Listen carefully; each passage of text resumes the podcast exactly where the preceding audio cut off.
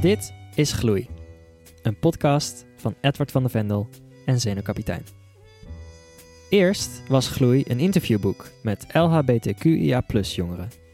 Nu is het een podcast vol persoonlijke gesprekken met inspirerende gasten van diverse leeftijden over dat wat er kan gloeien in een leven. Met op het eind een fonkelnieuw gedicht.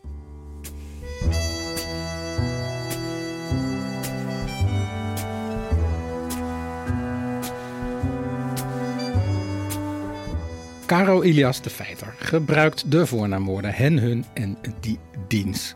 Is theatermaker, kunstenaar, docent, educator en onder andere te zien in de door hen zelf gemaakte YouTube-serie Zonder Borsten, waarin hen een vrolijk en persoonlijk onderzoek doet naar alle aspecten van het openlijk non-binair zijn.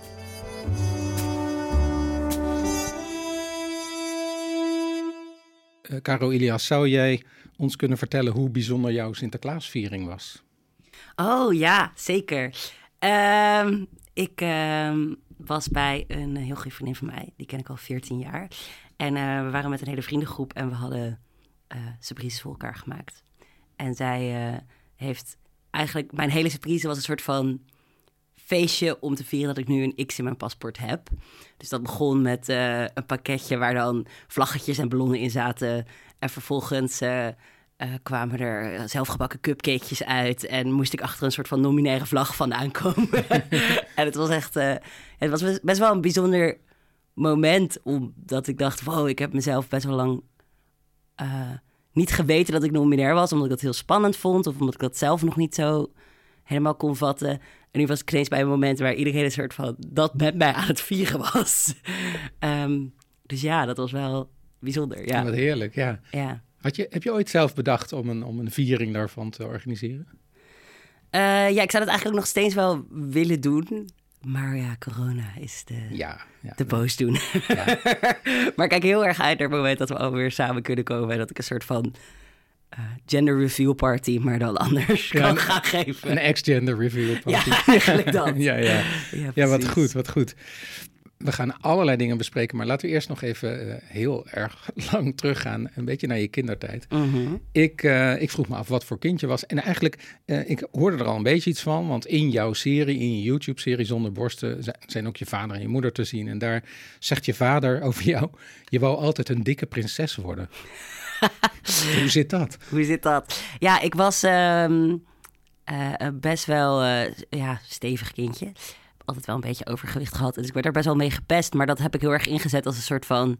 Nou ja, dan word ik maar... Ja, je hebt het een beetje het vooroordeel dat dikke mensen gezelliger zouden zijn. Toen dacht ik, nou, dan word ik maar gezelliger.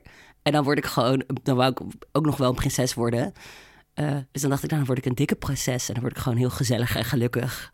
En dan laat iedereen maar zitten. Zoiets. Ja. ja. Was dat exemplarisch voor het beeld wat je van jezelf had? Nou ja, ik weet niet of de prinses heel ex, ja, of dat heel erg veel. Ik denk ook dat ik een prinses wou worden, omdat al mijn vriendinnetjes ook prinsessen wouden worden. Uh, dus dat vind ik nu verwarrend terugkijkend. Dat ik denk, oh ja, er is ook een tijd geweest waar ik van roze en tutus hield. Uh, en dat kan ik me nu niet meer voorstellen. Maar goed, dat was mij toen. Maar wat mij vooral wel als kind soort van onderscheiden, om het zo te zeggen, is dat ik altijd uh, wel toneelstukjes maakte, liedjes zong. Uh, en ook een beetje de wereld wel redden. Dus dan ging ik plastic op het schoolplein oprapen. en uh, ja, dus ik was denk ik ook wel een vrij excentriek kind. En altijd een beetje anders dan alle andere kinderen. Maar kon dat nog niet zo goed plaatsen of zo. Ja. En, en je zegt uh, toneelstukjes. Is dat ook een reden dat je, hoorde ik ook in de serie, dat je later op de middelbare als, als Barry verkleed naar een schoolfeest ging? ja, Barry, dat was... Um, een soort van weddenschap. En uh, een vriendin van mij toen zei: uh, Ja, wil je als mijn date naar het schoolfeest? Ik denk niet dat je dat durft. En toen dacht ik: Ja, dat ga ik dan wel doen. En dan ga ik ook dat heel serieus nemen. Dat denk ik ook wel een beetje inderdaad mijn theatrale persoonlijkheid, die dan daar helemaal voor gaat. Maar die ervaring was wel. Uh, Barry was dus eigenlijk een soort van vieze, vieze vent met een groot lichtjasje en, en een soort van stoppelbaardje. Maar het was een bizarre ervaring, omdat ik me eigenlijk er ik genoot er enorm van en ik voelde me eigenlijk veel aantrekkelijker dan ik me ooit had gevoeld, terwijl ik eigenlijk niet per se de meest aantrekkelijke persoon speelde. Nee, en hoe oud was je toen? Ik was toen 16, denk ik. Ah, oké, ja. 15, 16, zoiets. Maar ik was wel een beetje een re- rebelse tiener. Dus dan was, vond ik het ook wel leuk om die, die randjes op te zoeken of zo. Maar ja, ik ik had het daarvoor dus ergens nooit... Ja, het is grappig. Als ik, het, als ik soort van mijn gender probeer terug te puzzelen... dan komen al deze dingen bij die dan heel veel soort van zeggend zijn... en heel belangrijke momenten waren. Terwijl op die momenten zelf genoot ik er wel heel erg van... maar had ik niet zo door hoe belangrijk moment dat voor mijn leven zou zijn later. Nee, nee. Zie je het dan toch wel als een gemarkeerd punt op dat hele traject? Mm. Of is dat nou iets te, iets te veel gewicht? het is denk ik eerder later gekomen dat ik dus eh, ineens een soort van herinnering had hoe fijn die ervaring was. En dat ik dacht, oh, waarom heb ik dat daarna weer meteen weggestopt of zo? Waarom heb ik dat toen niet verder gaan ontdekken? Er zijn zes miljoen redenen voor te bedenken, denk ik. Ik denk dat ik gewoon later in mijn leven daar meer ruimte voor had en meer veiligheid voor had en meer überhaupt te woorden. Want toen ik op de middelbare school zat, kende ik het woord nominair niet. Of wist ik niet dat dat überhaupt een optie was. Dus dan dacht ik, oh, dan ben ik vast wel eh, een panseksueel, eh, jongensachtig, creatief iemand. dan zal dat het wel zijn of zo. Eh, Je noemde jezelf wel panseksueel. Dat, dat woord Ja. kende je wel. Dat, ja, toen, toen was het meer biseksueel. Nu zeg ik meer panseksueel, omdat ik denk dat dat ja, kloppender is nu. Ik denk dat ik toen meer biseksueel zou zeggen. Wa- Wat is voor jou persoonlijk het verschil? Ehm, voor mij is het verschil dat bij biseksueel heb ik het. Eh, tenminste, dat zijn dingen die ik, hoe ik ze uitgelegd heb gekregen. Dus misschien is dit niet de perfecte uitleg, maar hoe ik het interpreteer voor mezelf is dat. eh, voor mijn gevoel is panseksueel meer dat gender maakt mij helemaal niet uit. Ik word verliefd op een mens. Ehm, en daarin ja, maakt het mij niet uit wat de genderidentiteit van die persoon is. Ehm, waar biseksueel nog net iets gegenderder voelt. Maar dat, ik weet ook dat er mensen zijn die dat niet zo voelen. Dus het is ook natuurlijk voor iedereen anders. Maar panseksueel voelt voor mij iets meer eh, alsof ik iedereen leuk kan vinden. Iets opener, ja. ja. Ja, Ja, nee, dat kan me voorstellen. Ehm, nou is het zo dat je, weet ik van jou, dat je vrij laat voor je non-binariteit bent uitgekomen. Mhm. En eh, je zei, ik, ik, ik probeer wel eens dat traject terug te bedenken. ja. Wat zijn daar nou redenen voor dat het vrij laat was? Ik denk dat het ook heel lang was dat ik wel door had dat ik anders was. Maar er dus, zoals ik net zei, dat er geen uitleg bestond. Dus ik wist wel. Eh, ik had altijd het idee dat als je dan trans was, dat je dan eh, geboren werd en dacht: oké, nu, dat ben ik dan of zo.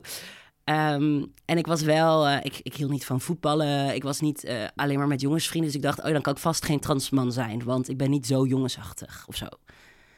En eh, dus ik denk dat ik dat heel lang zelf soort van heb weggestopt. Dat ik dacht, oh, er is één manier van trans zijn waarvan ik nu weet dat dat absoluut niet zo is. Er zijn eh, denk ik ook genoeg trans mannen- die ook eh, niet van voetballen hielden vroeger. Maar toch, dat was wel het beeld wat ik toen had, meer.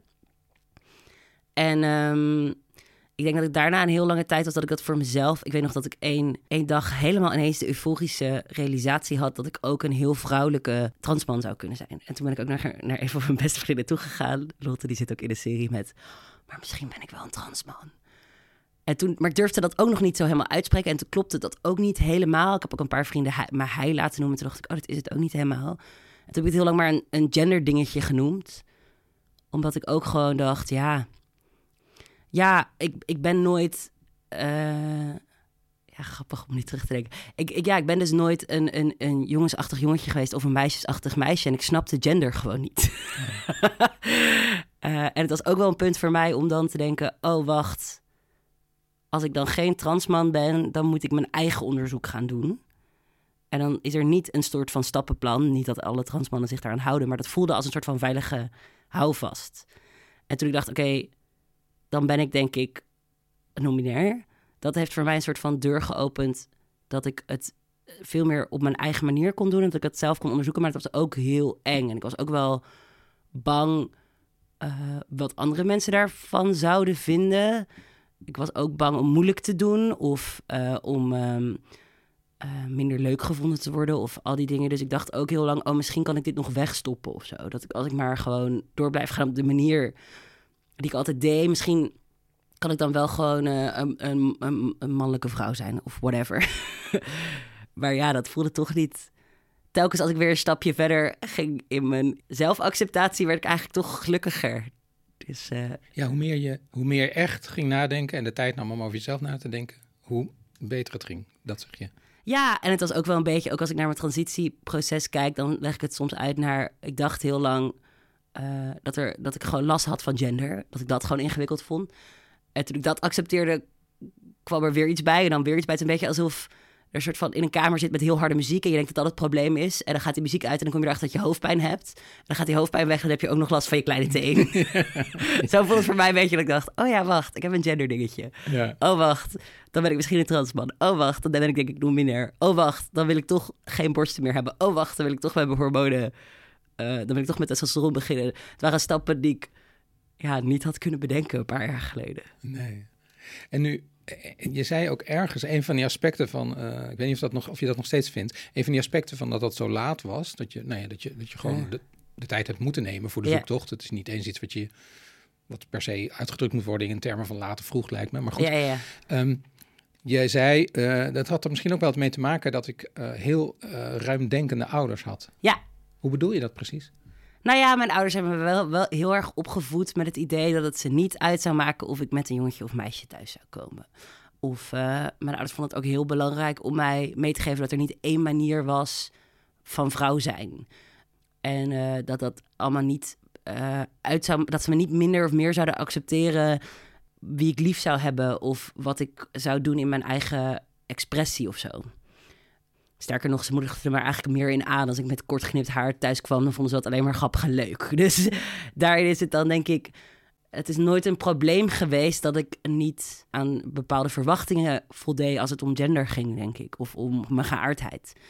Waardoor ik daar niet mee geconfronteerd werd en dus veel meer ook dacht, oh ja, maar dan ben ik vast wel gewoon deze manier van vrouw. Of dan is het niet zo dat, dat werd mijn, ja, er werd niet zo gezegd dat ik iets niet mocht. Dus was het moeilijk om te pinpointen waar ik dan tegenaan liep of zo.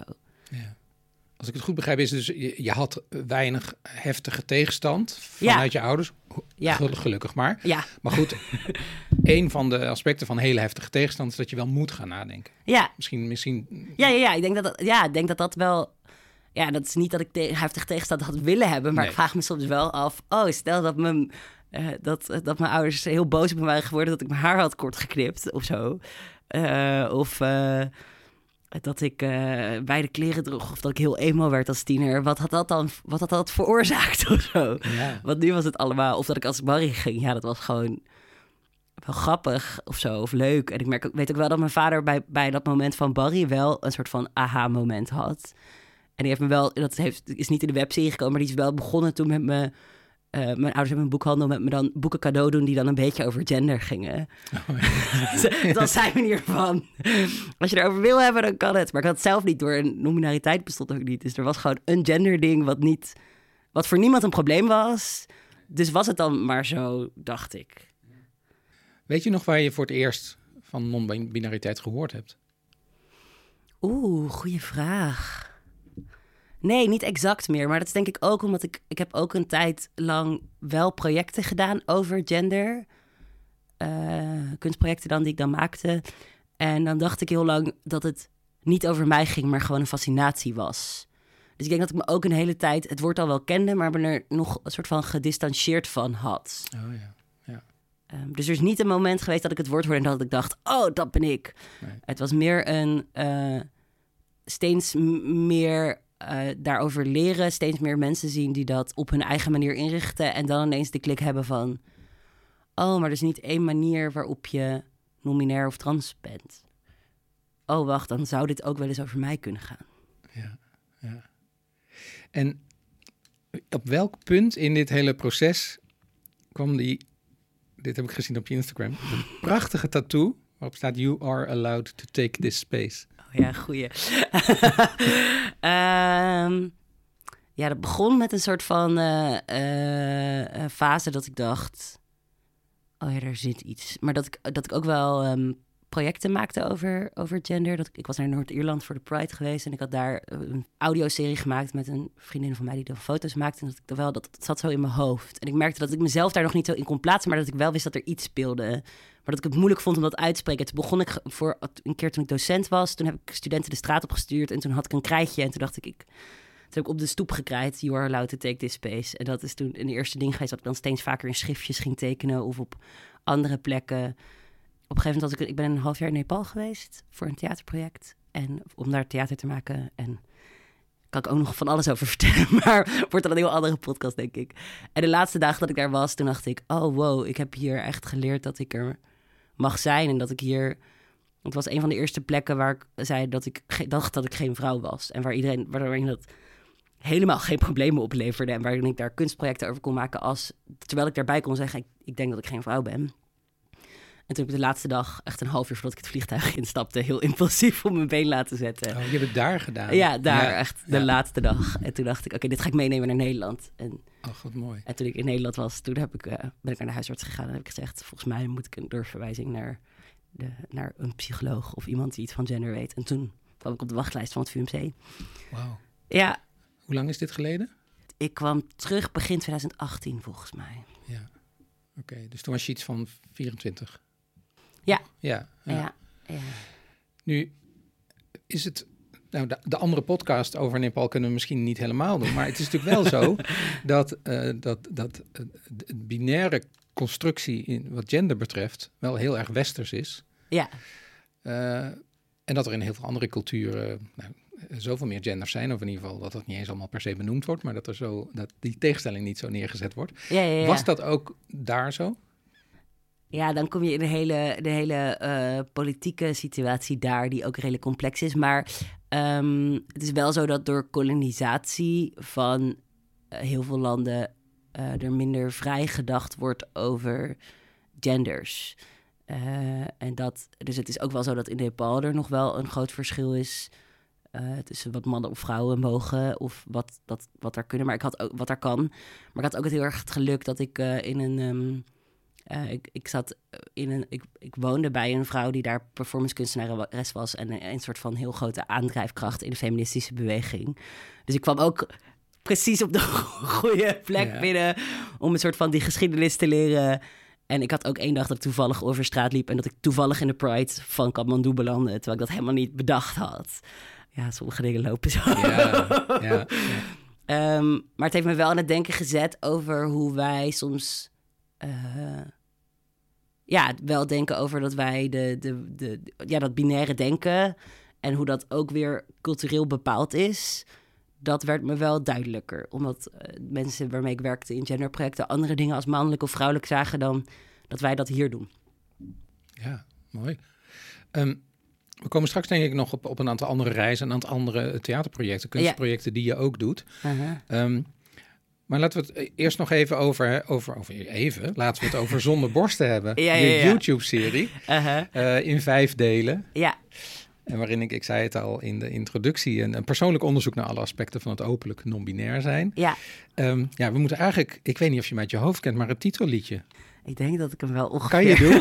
ik, ik, heb de tekst hier, maar we kijken hoe ver we komen. Even kijken hoe ver ik kom hoor. Ik ben Caro Ilias, aangenaam, hallo. Vroeger had ik borsten, maar dat ging niet langer zo. Uh, ik klopte niet. Oh ja, klopte niet als meisje, maar een jongen ben ik niet. Zat mijn lichaam toch niet lekker? En dan deed Marianne, dat is gender dysphorie. dus eraf met die borsten. Knip, knip, knip. Geen man of vrouw, maar non-binair. Wat is dat nou weer? Zonder borsten, zonder borsten. Zonder borsten, dat gaat een tijd door. Ja. ja. we zien jou dansend dan. Ja, ja, ja, maar ja. Op, in de serie. En vervolgens uh, heb je dat opgesplitst in vijf afleveringen. Telkens Mhm. een ander aspect. Ja, Nou ja, je, je spreekt bijvoorbeeld met, inderdaad met je ouders, maar ook, ook met vrienden. En Ja. ehm, daar zijn een heleboel interessante eh, aspecten van. Maar waarom wilde je deze serie maken? Ehm, ja, een deels daarvan wat ik, wat ik net ook zei over dat ik dus het idee had over, of, laat ik zeggen, alle, ehm, alle beelden die ik in de media zag over non-binair zijn, waren of heel erg uitleggerig en heel erg medisch gericht, bij een soort van, van klinisch waar de hele persoonlijke zoektocht eruit is. Ehm, of ze waren van mensen op een punt in hun transitie dat ze al heel zelfverzekerd zijn en heel erg konden zeggen: Dit is wie ik ben, punt. Terwijl voor mij een heel groot deel van mijn transitieproces ook twijfelen en zoeken is geweest. En me verhouden tot anderen. En het spannend vinden om dingen tegen hun te zeggen. En dat dan toch maar doen en kijken hoe dat gaat. En ik dacht, ik heb heel erg behoefte aan dat, dat, persoonlijke, dat persoonlijke aspect en die, dat sociale aspect van een transitie. ehm, dat dat ook in beeld mag komen. Zeker omdat ik, ik had dus mijn borstverwijderende operatie en ik kwam op een punt waar ik daar gesprekken over moest gaan voeren met mensen die ik het eigenlijk nog niet verteld had. Dus opdrachtgevers of ja, ook om die operatie te mogen, moest ik met mijn ouders naar eh, het VUMC, naar het ziekenhuis. Dus er kwamen heel veel punten dat ik, ondanks dat ik zelf het eigenlijk een beetje wegstopte, omdat ik dacht, oh, ik wil niet moeilijk doen, ineens op situaties kwam waarin ik wel erover moest gaan praten. En dat leverde me eigenlijk best wel veel op. Dus ik wou mezelf ook een soort van motiveren om dat meer te gaan doen in de hoop dat ik iets kon maken wat andere mensen kon helpen bij al die gesprekken die zij ook hebben, denk ik. Je zei ergens zo mooi, ik, ik, ik wilde als mijn non-binaire zelf leren dromen. Ja, ja. Hoe, hoe bedoel je dat precies? Nou ja, voor mij is het ook dus zonder borsten was betekende voor mij als openlijk non-binair persoon. Van, vanaf dat moment kon ik mezelf niet meer verstoppen. En ik merkte ook dat ik soms niet, dat ik heel bang was om geen werk te vinden. Of omdat opdrachtgevers het misschien moeilijk zouden vinden. Of dat ik bang was om geen liefde te vinden. Omdat, ja, zonder borsten, wie vind je dan nog aantrekkelijk? Of al die, al die uh, ja, of als je een huis wil huren, dat je dan moet zeggen of je een man of vrouw bent. Of als je een bankrekening wil openen. Al die super dagelijkse dingen uh, die, die niet kunnen of moeilijker worden als je uh, jezelf dan bent. Voor mij dan. En ik uh, wil eigenlijk dat weg. Ik wou dat voor mezelf en ook hopelijk voor anderen wegnemen. Van je kan wel liefde vinden en je kan wel een baan vinden en je kan wel een huis vinden. Het gaat misschien niet altijd op dezelfde manier, maar je bent. Ja, ik wil gewoon durven dromen en durven denken: oh, die toekomst is er wel. En niet, ondanks dat ik non-binair ben, maar met mijn nominariteit en de schoonheid daarvan. Ja ja, gezegd moet worden dat het een, een hele vrolijke serie is. Ja. dat hoorden we al een beetje aan je, aan je titelliedje, maar het is ook echt zo. Ja, ja, ja. Er zitten een hoop grapjes in, vooral ook heel visuele grappen. Ja. Dus dat niemand gaat denken van, oh, dat wordt een zware kosten. Ja, juist niet. Nee, het is ook echt een feestje om te vieren wie je bent. En dat was ook echt de insteek van, het moet een, het, ja, de, de hele serie is feest. Ja, ja, ja. Ja, en, en wat, wat, bijzonder is, is dat je de eerste aflevering is meteen al de eerste vraag is van kan je liefde vinden als je non-binair bent? Ja als we het zien, weten we dat het een belangrijke vraag is, maar dat het misschien voor jou niet helemaal een vraag was. Want die had Ehm, je al gevonden, namelijk die liefde. Ja, ja, ja, ja, nou ja, maar dat is wel iets wat zo... ehm, als ik, toen ik echt net uit de kast kwam, toen kreeg ik zo de vraag... oh, maar hoe is het dan voor je partner? Of vindt hij dat dan niet erg? En het was zo'n geen ding in die relatie dat ik ook dacht... eh, ja, waarom wordt dit zo'n ding gemaakt? Maar ook voor mezelf, dat ik dus merkte dat ik er heel onzeker over was... Terwijl die onzekerheid is puur omdat me de hele tijd verteld is dat aantrekkelijkheid of heel mannelijk of heel vrouwelijk is. En ik denk niet dat dat waar is. nou, sterker nog. Uh... Ik weet dat het niet waar is. Nee, nou ja, nou ja en ik wou zeggen, je, je, je vriend, Cas, Mhm. spreekt heel duidelijk uit dat dat voor hem absoluut niet van belang is. Ja, exact. Ja. ja. ja. En ben, zijn jullie lang samen? Ja, we zijn nu niet meer samen, helaas. Oh, oké. Okay. Maar we waren in de tijd van de serie uh, ja, we kennen elkaar al vijf jaar en we zijn drie jaar samen geweest. Ja, ja. oké. Okay. Ja. Daar zullen we niet verder op ingaan, maar in ieder geval, dat aspect ja. was, niet, was niet het Nee, punt. en dat is ook nooit het ding geweest. En uh, uh, heeft, hij heeft me juist altijd wel daarin aangemoedigd. Ik weet nog wel dat we elkaar echt net ontmoetten en dat ik zo mijn benen had geschoren. En dat ik uh, bij hem kwam liggen, dat hij zei, ja, doe je dat nou voor mij of voor jezelf? En dat dat echt voor mij een soort van goed. Uh, opener was. Dat ik dacht, oh, in de liefde doe ik me altijd vrouwelijk voor. Want ik denk dat dat de manier is om liefde te vinden. Uh, maar dat was allemaal een toneelstukje. En het was eigenlijk voor het eerst iemand die mij leuk vond om mij en niet om vrouwelijke toneelstukjes. ja. Wat ik zo knapper aan vind, is dat een onderwerp, namelijk je lichaam, wat daar, mm -hmm. dat is de aanleiding voor, voor de serie, mm -hmm. iets wat, wat, niemand zou hoeven te delen met allerlei anderen. Ja. Uh, dat je blijkbaar over die, over die gêne of over de, de vraag van, oh, ik wil, dit, ik wil dit privé houden of moet ik dat wel, of, dat je daar overheen gestapt bent. Hmm. Ja, misschien is het ook dat als non-binair persoon in medische transitie dat al automatisch een onderwerp van gesprek wordt. Uh, en dat ik op heel veel momenten gesprek aan het voeren was met mensen waarvan ik dacht, oh, wil ik dit gesprek eigenlijk wel hebben, want het is super persoonlijk. En dat het voor mij dus ook ergens hielp om uh, op deze manier een soort van de controle terug te pakken. Dus ik kon uh, in een rol gaan zitten die eigenlijk heel comfortabel voor mij is, namelijk de interviewer. Dat is een plek waar ik me eigenlijk veel gemakkelijker voel dan de geïnterviewde. Maar um, daarin kon ik een keer de persoon zijn die ook kon gaan onderzoeken. oh, maar wat, wat is die nieuwsgierigheid van mensen dan? En eh, eh, waar komt die vandaan? En wat willen ze dan? En waarom willen ze dat dan allemaal weten?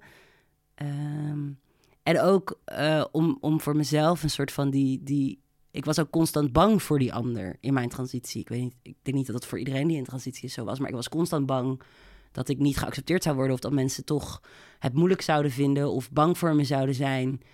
Ehm, dus ik dacht, ja, als ik over die angst heen wil komen, dan kan ik dat alleen maar met die ander gaan doen. En dat kan niet door mezelf, eh, door het heel medisch te houden of afstandelijk. Dan moet ik ook mezelf helemaal open gaan stellen. Ja, ja. Maar goed, je hebt dus ergens bedacht, ik ga dit verhaal vastpakken en van mij maken. Ja. Oké, dan zit dat persoonlijke aspect er maar in, maar, maar ik ben degene die het uitspreekt. Zie Ja. je dat zo? Ja, ja. Ja, misschien wel. Ja, en ook wel dat ik ook wel. Ik maakte al dingen over gender. En ik, ik, ik was al langer bezig met eh theaterlessen geven aan LBT-jongeren en zo. En toen dacht ik, oh ja, maar ik heb het de hele tijd over de ander. Misschien is dit ook wel een moment dat ik het zelf moet gaan. Dat ik, dat ik mezelf erin moet gaan stoppen. Hoe eng dat ook is. Ik, ik ben eigenlijk nog benieuwd naar één, één iets. Eh, Je hebt de naam Ilias toegevoegd aan je, aan je naam. Ja. Eh, En waarom deze naam? Ehm, ja, ik heb heel lang gedacht, oh ja, mijn naam moet ik daar dan iets mee. Maar Caro klopt ergens ook wel. Ook wel grappig dat ehm, Caro ook in het Latijns is het volgens mij, maar ik durf er niet voor mijn hand in het vuur te steken. Maar in ieder geval in een andere taal ook man betekent. Dus dat was ook altijd wel grappig. Of toen ik geboren werd, kregen mijn ouders ook blauwe kaartjes. Want mensen snapten niet helemaal dat Caro dus ook daar was. Dus ergens was het eh, voor mij een naam die niet per se meteen problemen opleverde. Maar ik merkte wel eh, dat ik daar toch mee bezig was. En toen was ik naar een voorstelling, toevallig ook door de groep gemaakt waarmee ik de webserie maakte van Stichting Nieuwe Makers. En een vriendin van mij had die tekst geschreven en daar kwam de naam Ilias in voor. En ineens, het was niet bedacht of zo, ik dacht gewoon ineens, dit, ja, ja, ja. En toen heb ik me even als voornaam geprobeerd en dat klopte niet, want toen dacht ik, oh, ik ben ook nog steeds Caro. Ehm, en toen merkte ik dat als ik Ilias ertussenin voegde, eh, zeker als, als ik dingen maak of als ik mailtjes stuur, dat ik niet per definitie als vrouw gezien werd. En dat het iets meer die, ja, dat, dat het iets meer mij was dan eh, alleen Caro.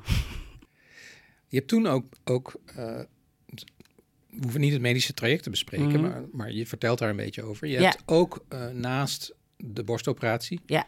Nou, eh, laten we even eh, preciezer zijn. Ja. Normaal als iemand in, in transitie gaat, medische transitie gaat, dan wordt meestal eerst een hormoontraject ingezet. Hè? Klopt. En daarna volgt eventueel pas een operatie. Ja. Of operaties. En bij jou is dat eigenlijk andersom gegaan, hè? Ja, klopt. Ja, ik heb heel erg geluk gehad met een heel fijne eh, behandelaar die open stond voor mijn wens om dat andersom te doen. Dat begreep, ja.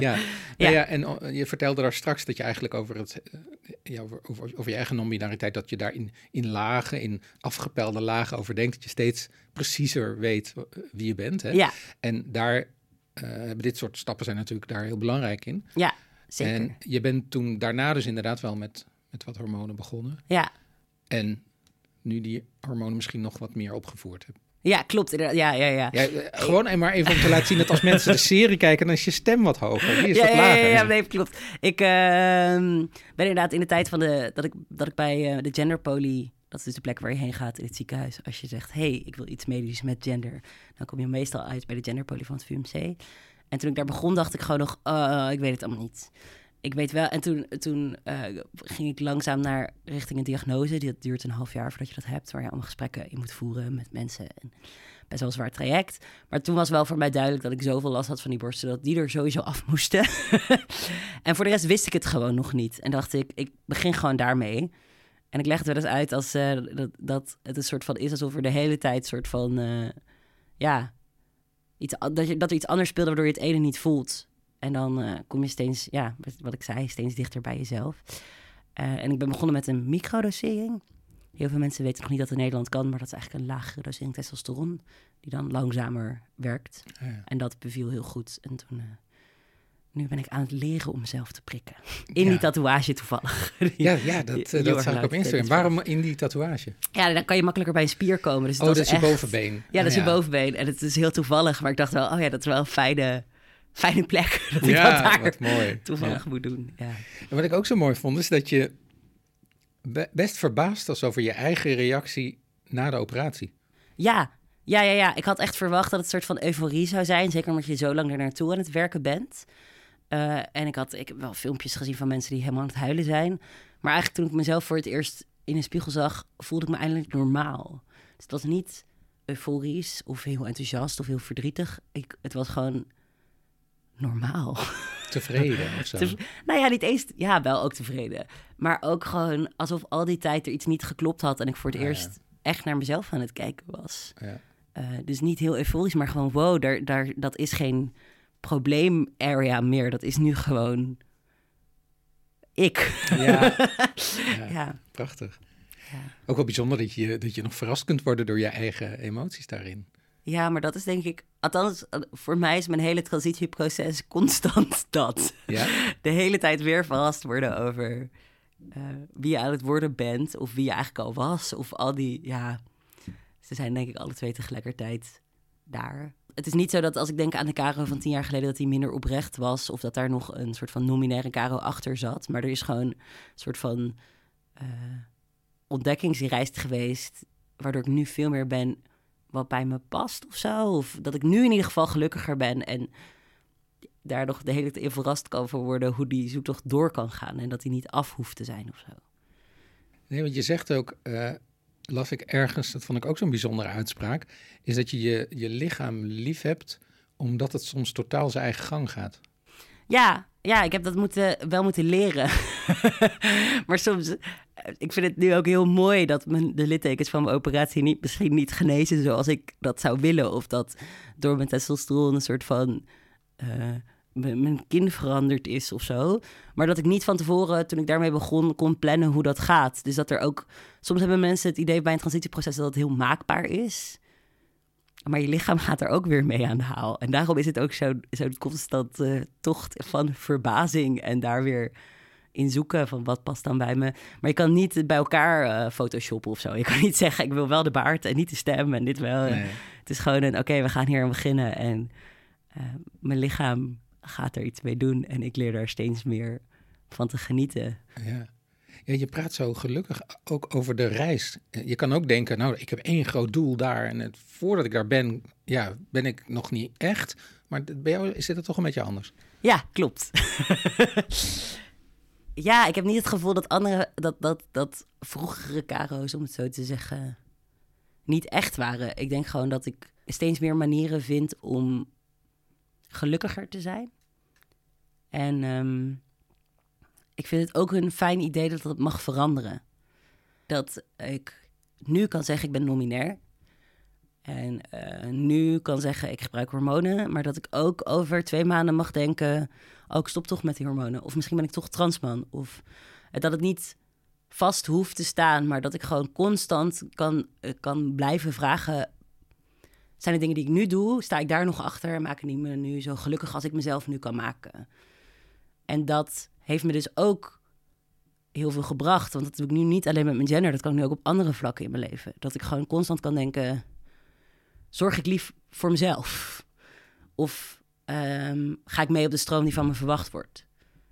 In de, in de reis zit dus eigenlijk niet zoveel strijd, als ik het mhm. zo mag samenvatten. Maar naar buiten toe heb je wel wat strijd gehad. Uh, ja. je, je, hebt bijvoorbeeld ook, nou ja, dat laat je ook zien in je serie. Je hebt de bank opgebeld. Uh, om, om niet als, als uh, om geen brieven te krijgen waar beste meneer of beste mevrouw boven stond. Mhm. Je hebt nog veel, veel meer instanties. En je hebt uiteindelijk dus moeten zorgen dat er een X in je paspoort kwam. Ja. Maar hoe, hoe is die strijd verlopen? Nou ja, die strijd daar zit ik nog wel in. Uh, want ik heb wel een X in mijn paspoort. Uh, die heb ik gekregen. In Nederland moet je daar nog een rechtszaak voor hebben. Dus ik ben naar de rechter gestapt.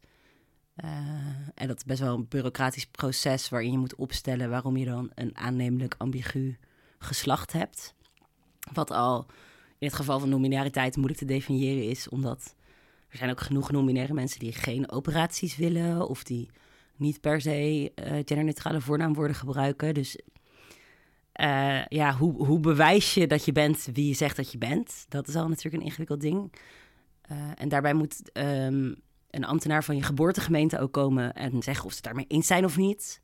Nou, ik heb dan geluk gehad dat dat bij mij eigenlijk geen problemen opleverde en dat ik dat mocht.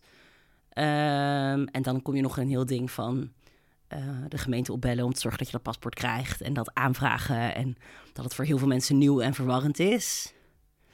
En nu ben ik eigenlijk op een punt waar het heel interessant is, omdat er heel veel organisaties zijn die geen uh, niet man of vrouw in hun systeem aan kunnen vullen. Dus bijvoorbeeld de bank die ik daar belde, die kunnen gewoon niet. Dus ja, die zeggen dan maar tegen mij van ja, maar kies dan maar tussen man of vrouw. Dan denk ik, ja, maar dat is het hele punt. Ja, ik ben geen van beide.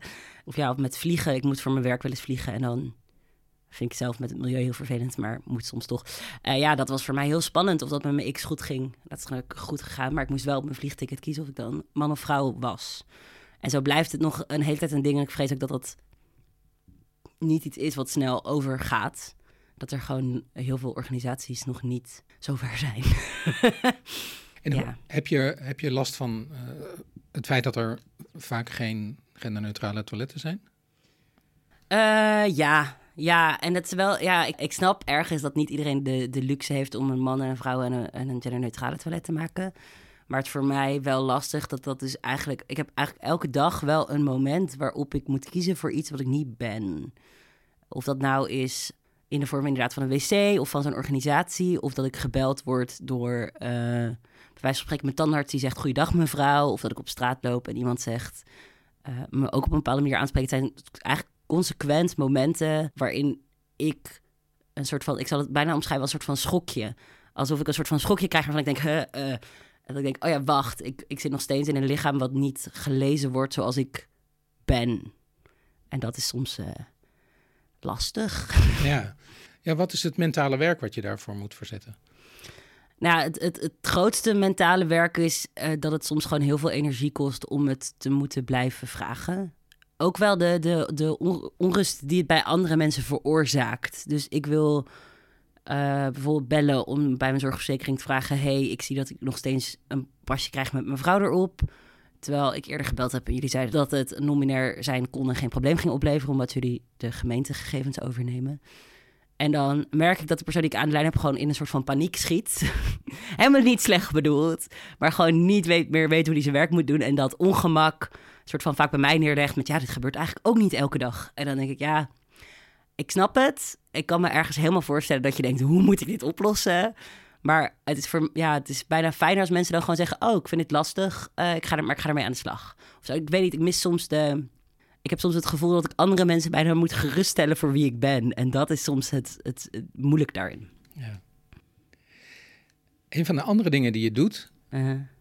uh, is werk bij verschillende stichtingen. Ja.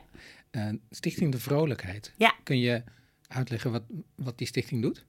Ja, zeker. Uh, stichting De Vrolijkheid is een organisatie die zorgt dat er kunst en cultuur, vooral kunstactiviteiten zijn voor kinderen en jongeren in uh, asielzoekerscentra. En ik werk uh, op het AZC in Utrecht en ik zorg dat daar van alles gebeurt. ik kan me voorstellen dat dat heel veel mooie en bijzondere momenten oplevert. Kan je, kan je zo eens eentje noemen van iets moois wat je daar beleefd hebt? Oh, er zijn zoveel mooie dingen beleefd. um, ja, gewoon, ik weet niet, er zit gewoon iets tofs in kinderen die gewoon oneindig kunnen spelen of zo.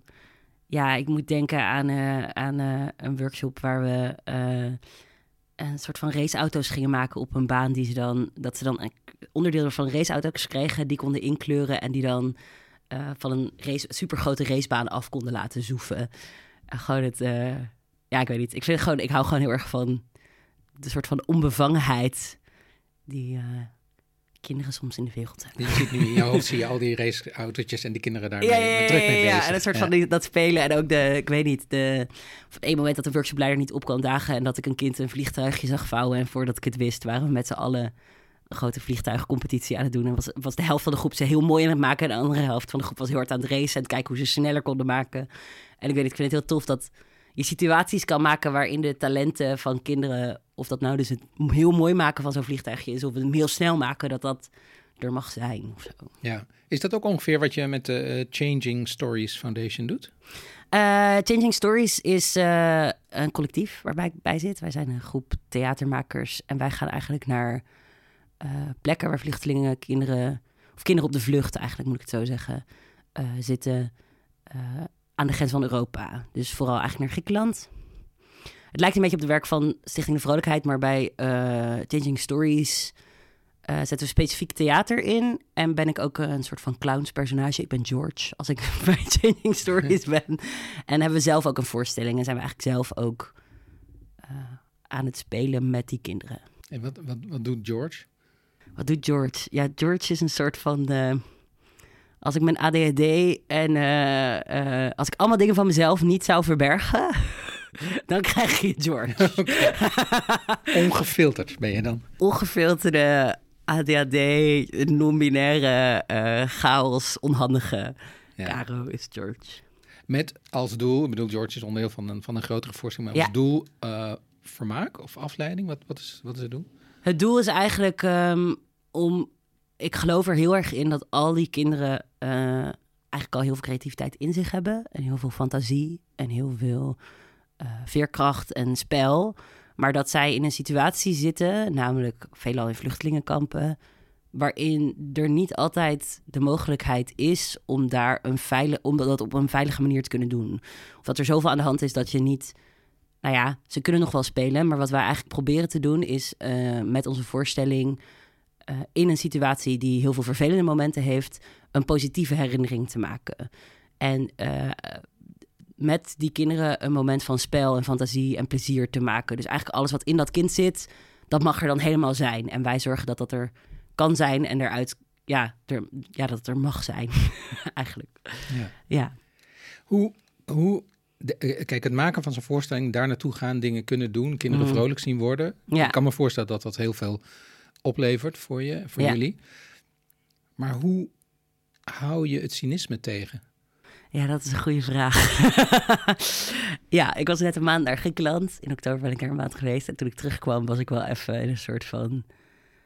eh, wat, wat, wat, hoe gaan we dit doen? En eh, ik, ik weet niet, hoe meer ik daar... Hoe meer ik in vluchtelingenkampen ben, of rond vluchtelingenkampen ben, hoe meer ik een soort van de groot, grote schaal zie. Maar ik heb het geluk dat ik daar kom als George. En met spel en met eh, workshops en eh, heel veel vrolijkheid eigenlijk. En dat ik dus ook eh, dat van die kinderen terugkrijg. Dus ik kan de ene dag dat ik daar ben denken... waar gaan we heen met z'n allen? en een uur later de tijd van mijn leven hebben... omdat ik daar met kinderen aan het spelen ben. Ja. ja. Je maakt eh, in Nederland ook theater met queer jongeren. Ja. Nou, onder andere eh, de Queer Codex, hè? dat is Ja, ja we zijn eigenlijk voor ehm, LGBT Youth Performance Amsterdam. Daar zijn we nu een voorstelling mee aan het maken. En die voorstelling wordt gebaseerd op verhalen die we aan het verzamelen zijn van zoveel mogelijk queer mensen van alle achtergronden, leeftijden, ehm, genderidentiteiten, seksuele identiteiten, geaardheden. Ja. Mag allemaal. Waar, als je dat zo overziet, eh, en ook- het activisme, maar ook, ook hoe ver we zijn, de verhalen die verteld worden, de vrijheid waarmee die verhalen verteld Mhm. worden. Waar staan we, denk je, in die ontwikkeling? Oeh, goeie, goeie, goeie vraag. Ehm, nou ja, ik zie wel, dat, eh, dat geeft me wel heel veel energie, dat ik ook wel verandering zie. Ik ben ook eh, docent op de HKU en ik zie ook hoe die, die studenten die ik nu zie al zoveel openlijker nominair kunnen zijn en weten wat dat betekent dan toen ik daar studeerde. Ik heb ook in mijn webserie een interview met Flip. En Flip is 70 en nominair en die zegt, die heeft nu diens eh, operatie kunnen doen. En die is nu, eh, heeft de woorden ervoor gevonden. Denk ik, wow, we zijn wel in een tijd waar, denk ik, heel veel mensen die anders altijd in een van die twee hokjes waren geduwd, eh, dat die er mogen zijn. Maar ja, we hebben ook nog heel veel te bereiken natuurlijk. Want ik denk wel dat er nog, eh, als ik merk hoeveel energie het mij soms kost om constant mezelf te moeten verdedigen of om eigenlijk constant er tegenaan te lopen dat ik voor veel mensen niet besta of mijn identiteit niet bestaat. Ik hoop dat de beweging zich door gaat zetten zodat, zodat iedereen er gewoon mag zijn. Tegelijkertijd ben ik daar soms een beetje, ehm, hoe zeg dat, neerslachtig in. Dan denk ik, oh ja, er zullen altijd mensen zijn die daar niet in geloven of, of daar eh, niet voor openstaan. Maar ik hoop dan in ieder geval de LHBT-jongeren waar ik mee werk of de, de kinderen waar ik mee werk als ik op het AZT ben, dat ik in ieder geval die dan een soort van power en speelboost en eh, eh, talentontwikkeling geven, waardoor ze dat allemaal aankunnen en eh, hopelijk heel veel energie krijgen en daarin weer andere mensen kunnen inspireren. En hoewel ik niet per se wil dat ze in een rol van educatie hoeven komen te staan. Ja, ik hoop dat. Ik hoop dat er steeds meer plekken komen waar mensen gewoon helemaal zichzelf kunnen zijn. En dat er steeds minder van mensen die anders zijn verwacht wordt dat ze de rest van de wereld uitleggen waarom ze zijn wie ze zijn. Ja. En wat, tot slot, wat zijn je, wat zijn je dromen op, op persoonlijk vlak? Oh, goede vragen. Uh, ja, er gaat een voorstelling komen van, naar aanleiding van Zonder Borsten. En die gaat heten, nu mijn borsten eraf zijn, kunnen we dichter tegen elkaar aan liggen. Oh, mooie titel. dus daar gaat die zoektocht in door. Dus daar heb ik heel veel zin in. Uh, ik uh, zit nog aan de testosteron en ik hoop dat dat door gaat zetten. En dat ik eigenlijk steeds meer gelukkige ontdekkingsmomentjes blijf houden dat eigenlijk de reis waarop ik ben zich uh, positief voort blijft zetten. nou, dat wens ik je. Dank je wel voor het gesprek. Ja, dank jou ook.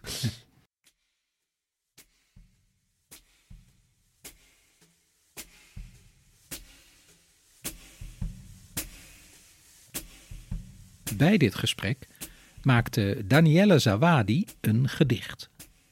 Ze is bekend van haar spoken word performances maar is boven alles een proza-schrijver. Ze is daarnaast onder andere initiatiefneemster van een eigen platform voor dichters in Den Haag, het Zwarte Schaap. En dit is wat ze over dit gloeiende interview schreef.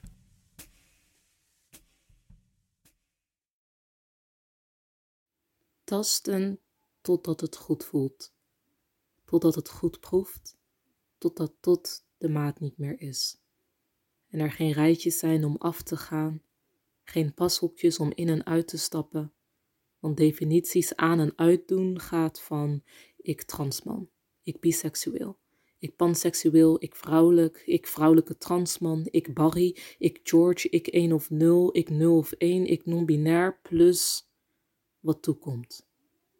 Accepteren dat vragen beantwoord worden met vragen en dat de weg er naartoe er net zoveel toe doet want ergens vlak voor de intersectie van de binaire samenleving is een error. Is, geachte mevrouw meneer. En bepaalt de rechter tot hoe ver je de streep doortrekt, maken vrienden de weg vrij en tekenen kinderen met stoepkrijt de ruimte die ze innemen. Dat mag. Klanken overbrengen, uitwisselen, lichamen proeven, leren, terugblikken en vragen stellen als antwoord op. Verhalen delen met toestemming van, definities verwateren door het opvatten door mens. Tast totdat het goed voelt, totdat het goed proeft, totdat tot de maat niet meer is.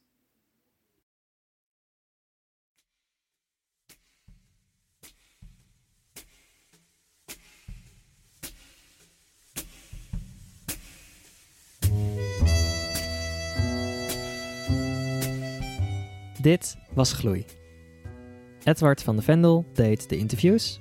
Productie en editing waren in handen van Zene Kapitein. En single-uitgeverijen maakten deze podcast financieel mogelijk. Het gedicht van deze week werd geschreven door Danielle Zawadi. En Floor de Goede maakte een getekend portret. Te zien in je podcast-app, op @gloeipodcast op Instagram en op gloeipodcast.nl. Daar vind je ook de tekst van het gedicht, ons mailadres en alle afleveringen bij elkaar. Volgende week woensdag komt er weer een nieuw gesprek online. Tot dan!